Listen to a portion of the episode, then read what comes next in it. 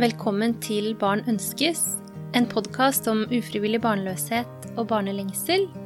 Jeg heter Hedda. Da jeg la ut forrige episode i desember i fjor, var planen å ta pause til litt ut i januar og så fortsette med podkasten utover vinteren og våren. Sånn skulle det ikke bli. Jeg visste at jeg var sliten etter prøverørshøsten og trengte å ta litt ekstra godt vare på meg selv men jeg skjønte nok ikke helt hvor bunnskrapa drivstofftanken min egentlig var. Fem måneder tok det meg å finne nok åndsnærværelse til å i det hele tatt åpne den mappa på desktopen min som heter podkast.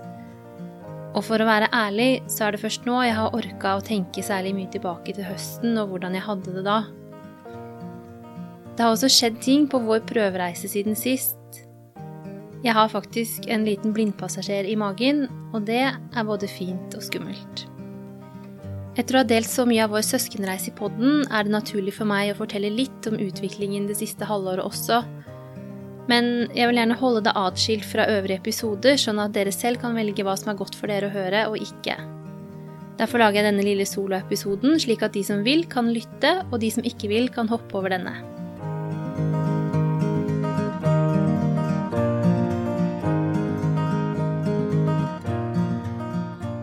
Så i fjor sommer starta vi en prosess for å bytte til en privat klinikk. Jeg hadde kjent mer og mer på tanken om å droppe hele søskenprosjektet og heller fokusere på å leve godt med alt det vi allerede har. Hele opplegget hadde begynt å veie tyngre enn håpet kunne løfte meg opp. Men jeg var liksom ikke helt klar for å bare kaste inn håndkleet heller. Alt lå jo tilsynelatende godt til rette, med gode embryoer og ingen mistanke om spesielle forhold som skulle tilsi at vi ikke kunne lykkes. Jeg hadde nok en følelse av at det handla mest om hvor lenge vi var villige til å stå i det, og hvor mange runder vi orka. Og jeg tenkte som så at hvis jeg skal orke særlig mange flere runder nå, så trenger jeg virkelig å føle at klinikken vår kan bære oss litt gjennom det her. Jeg trengte å kunne lene meg tilbake og føle meg helt trygg på at behandlende lege hadde lest hele journalen grundig og vurdert alle tenkelige variabler, sånn at jeg bare kunne slippe dem jeg trengte å kunne forholde meg til så få mennesker som mulig, og å vite at de visste akkurat hvem jeg var når vi hadde kontakt. Jeg trengte å kunne få raskt svar på spørsmålene mine, og jeg trengte at klinikken faktisk hadde tid til å høre på svaret når de spurte hvordan det gikk med meg. Jeg synes vi er fantastisk heldige i Norge som har et solid og godt offentlig tilbud om prøverørsbehandling. Rikshospitalet lagde jo Nikoline til oss, og det er vi så takknemlige for, men det jeg trengte i fjor høst, det opplevde jeg at de ikke helt hadde ressurser til å gi. Ola jobber jo i det offentlige helsevesenet selv, og minner meg ofte på at det er sånn at der må man prioritere ressursene. Og jeg syns det er helt riktig at man prioriterer å hjelpe flest mulig barnløse til å få oppfylt sin drøm, selv om det betyr at pasientene kanskje må vente noen dager på svar, eller at konsultasjonene er litt sånn rett inn, rett ut. Men der jeg var i fjor sommer, så funka det bare ikke lenger. Når vi valgte klinikk, valgte vi derfor først og fremst på bakgrunn av hva vi hadde hørt om hvordan man ble ivaretatt. Vi var selvfølgelig opptatt av at klinikken skulle ha høy faglig kompetanse, men det har jeg inntrykk av at de har jevnt over både offentlig og privat i Norge. Vi hadde hørt veldig mye godt om Spiren i Trondheim. Det er jo lengre reisevei dit fra Hamar enn det er til Oslo, men de samarbeider med gynekolog lokalt for alle kontroller, og dessuten så bodde jo jeg i Trondheim det første året Ola og jeg var kjærester, og jeg syntes egentlig det var litt fint å kunne reise tilbake til den byen hvor vi har så mange minner om en nyforelska tid hvor IVF ikke var på radaren i det hele tatt. Og allerede på første telefonkonsultasjon med Liv Bente på Spiren følte vi at vi hadde kommet rett sted. Hun hadde satt av god tid til oss, og vi fikk utfyllende svar på både gode og dumme spørsmål, så vi ble enige om at hun skulle sende en henvisning til en hysteroskopi, så vi kunne være helt sikre på at alle forhold lå til rette før vi starta opp med nytt ferskforsøk hos dem. I forrige soloepisode fra september i fjor fortalte jeg om hvordan vi tok et siste fryseforsøk på Riksen i påvente av den hysteroskopien, og jeg fortalte om hvor ødeleggende det var for meg å gå gjennom et forsøk jeg hadde null troa på. Den siste uka har jeg redigert episoden med fertilitetscoach Mari, og både hennes kloke ord og mine egne erfaringer fra i høst forteller meg hvor viktig håpet er i en prøverørsprosess. Det må liksom ligge der inne et sted, selv om det er godt gjemt. Og i august i fjor fikk jeg bare ikke tak i det i det hele tatt. Ja, og det forsøket gikk jo også åt skogen, som vi sier her på Edmarken. Hystroskopien som ble gjort, var uten funn, men ikke helt uten verdi, som jeg skal komme tilbake til litt senere. Gjennom forsøket og hormonbehandlingen frem mot hystroskopien hadde jeg tenkt veldig mye på om vi egentlig trengte en lengre pause fra søskenforsøkene for å få et skikkelig pusterom. Jeg var helt på felgen og visste ikke hvordan jeg skulle stable pågangsmotet på beina. Men vi hadde nok en telefonkonsultasjon med spiren, og ble enige med oss sjøl om å bare hoppe i det. Jeg vet ikke om jeg hadde så veldig troa på at vi skulle lykkes med å bli gravide, egentlig, men jeg var ganske sikker på at vi uansett ville få en annerledes opplevelse der, og tenkte at det forhåpentligvis ville være nok til at jeg skulle komme meg gjennom uten å gå helt i kjelleren. Ferskforsøket på spiren, som vi starta på i begynnelsen av november, skulle vise seg å bli helt annerledes enn tidligere forsøk.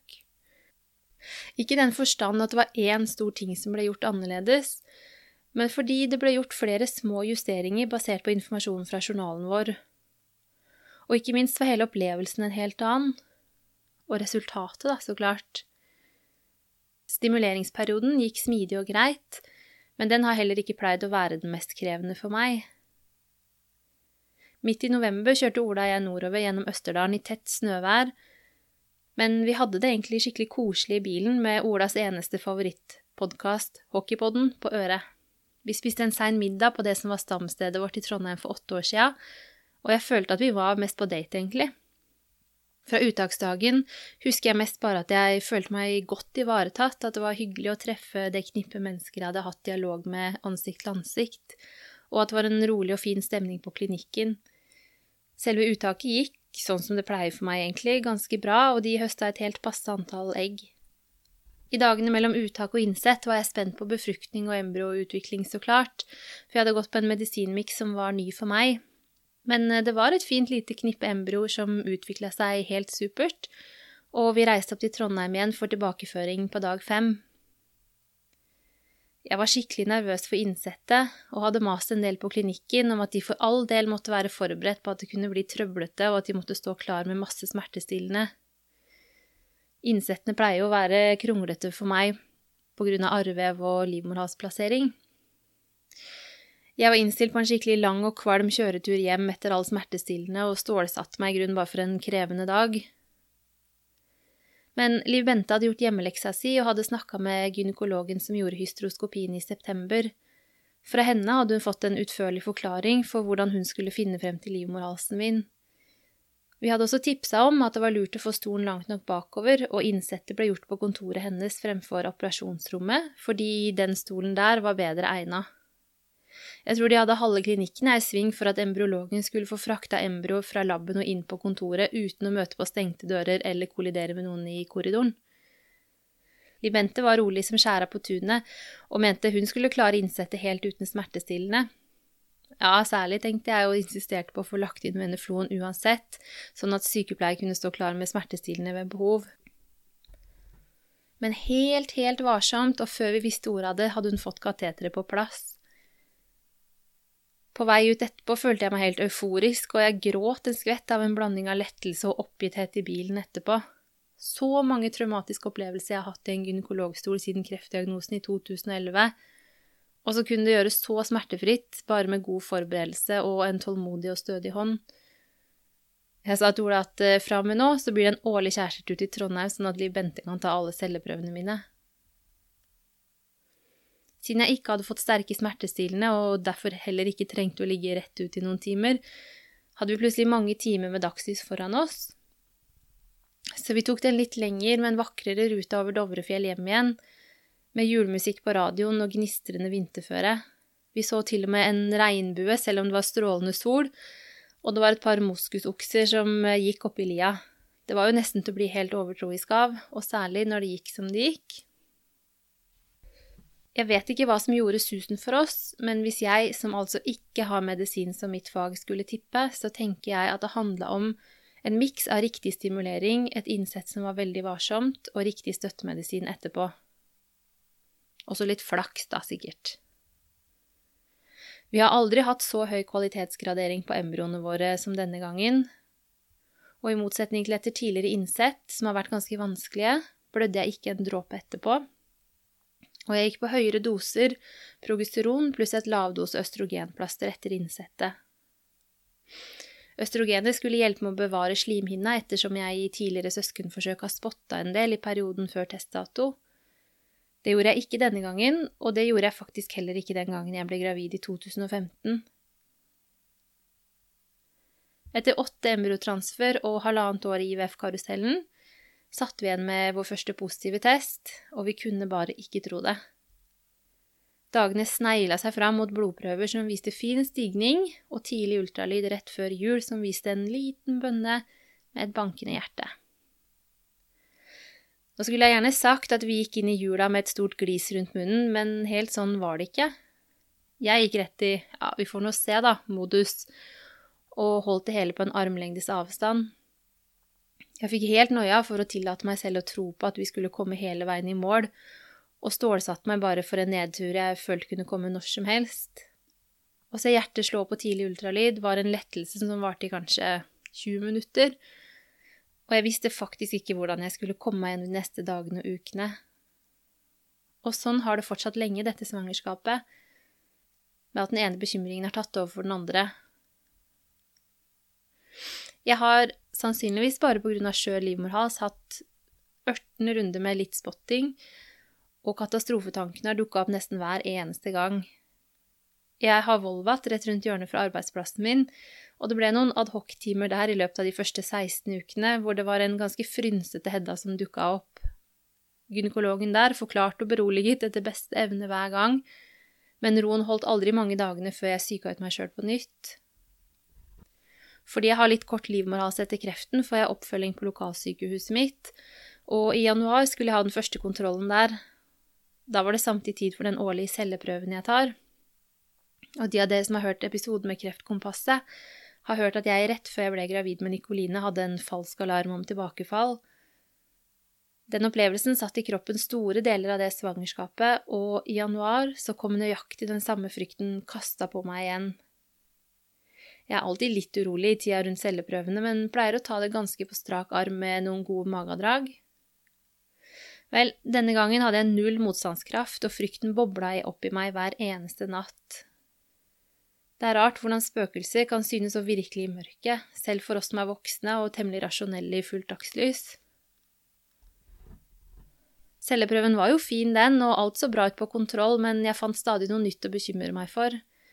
Jeg tror jeg snart har vært innom tanken på de aller fleste svangerskapskomplikasjoner, og som regel på natterstid. Og så kom jo koronaviruset, da, som flagg i toppen av kransekaka. Jeg har i det hele tatt ikke tillatt meg selv å lene meg særlig inn i dette svangerskapet, og har tatt forbehold hele veien. Det er mange rundt oss som har visst om vår reise, og som har håpa veldig for oss, og de har selvsagt vært så glade på våre vegne. Og jeg nikka og smilt litt stivt til gratulasjoner og spørsmål. Ja ja, vi er kjempeglade, så klart, men litt avventende, he-he. For å gjøre i stand et barnerom her hjemme har vi måttet starte opp igjen oppussingsprosjektet vårt, og ting må gjøres i en viss rekkefølge for å tømme det rommet som hittil har vært brukt til oppbevaring. Så da har vi pussa opp i kjelleren først og venta med barnerom fram til nå, for jeg kjente at hvis dette går skeis, da er det bedre å sitte igjen med en TV-stue enn et ferdig barnerom, selv om det egentlig ikke haster med den TV-stua. Jeg har inntil denne uka ikke kjøpt én eneste babyting eller funnet frem noe av det som ligger i stua bort eh, på loftet, jeg har sett på andre som har begynt å gjøre i stand når de har bikka tolv uker, og kjent at der er ikke jeg i det hele tatt. Det tok meg rundt 20 uker å i det hele tatt klare å si 'jeg er gravid'. Jeg klarte bare ikke å bruke det ordet tidligere, og sa heller 'jo da, vi har testa positivt', eller en annen omskriving. Og for meg så er det en sorg i det å ikke klare å gi meg hen til dette fine som er i ferd med å skje, jeg er redd for at uh, det hele skal gå meg hus forbi, mens jeg bare er mest redd. Og jeg skulle faktisk ønske at jeg klarte bare rulle meg rundt i utstyrslister og fødebag og det som er. Men sånn har det ikke vært, og det prøver jeg å akseptere. Jeg har snakka litt med psykologen på helsestasjonen min, og hun har forklart meg at det er en grunn til at jeg har hatt behov for disse forsvarsmekanismene, for det er jo det det er. Selv om kroppen min har klart dette før, har jeg også erfaringer i bagasjen som tilsier at man kan få grunnen rykket bort under føttene når man minst venter det. Og jeg tror ikke jeg er den eneste som er gravid etter IVF eller annen fertilitetstrøbbel som har det sånn. Så psykologen sier at jeg ikke skal være så hard med meg selv for at jeg beskytter meg selv mot skuffelse. Og det er viktig å huske på, tenker jeg. Men hun sier også at det er på tide å ta det innover seg, og jeg tror jeg begynner å klare det nå. Jeg har bestilt et par små ting til babyen, og denne uka begynner vi rivejobben på det som skal bli rommet hennes.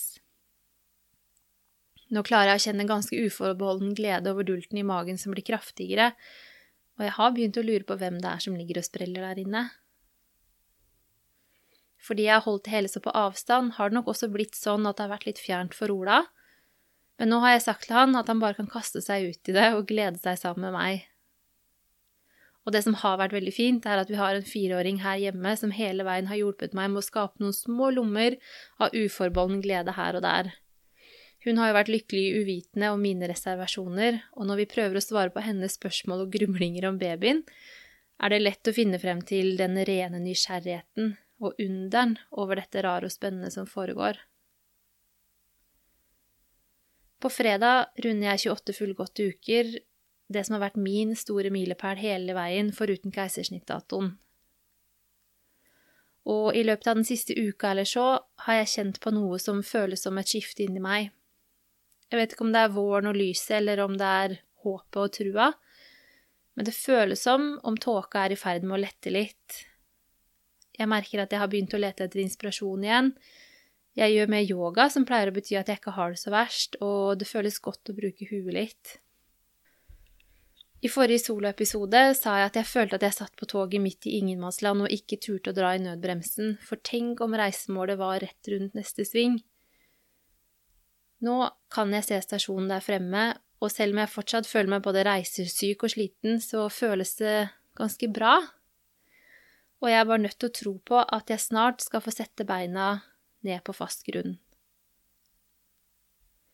I mellomtida tenker jeg litt ekstra på dere som ligger hakket bak meg på togreisen, eller som er i ferd med å finne en helt annen vei, og kanskje særlig på de av dere som har stått bom stille midt i skauen og venta på det møtende koronatoget.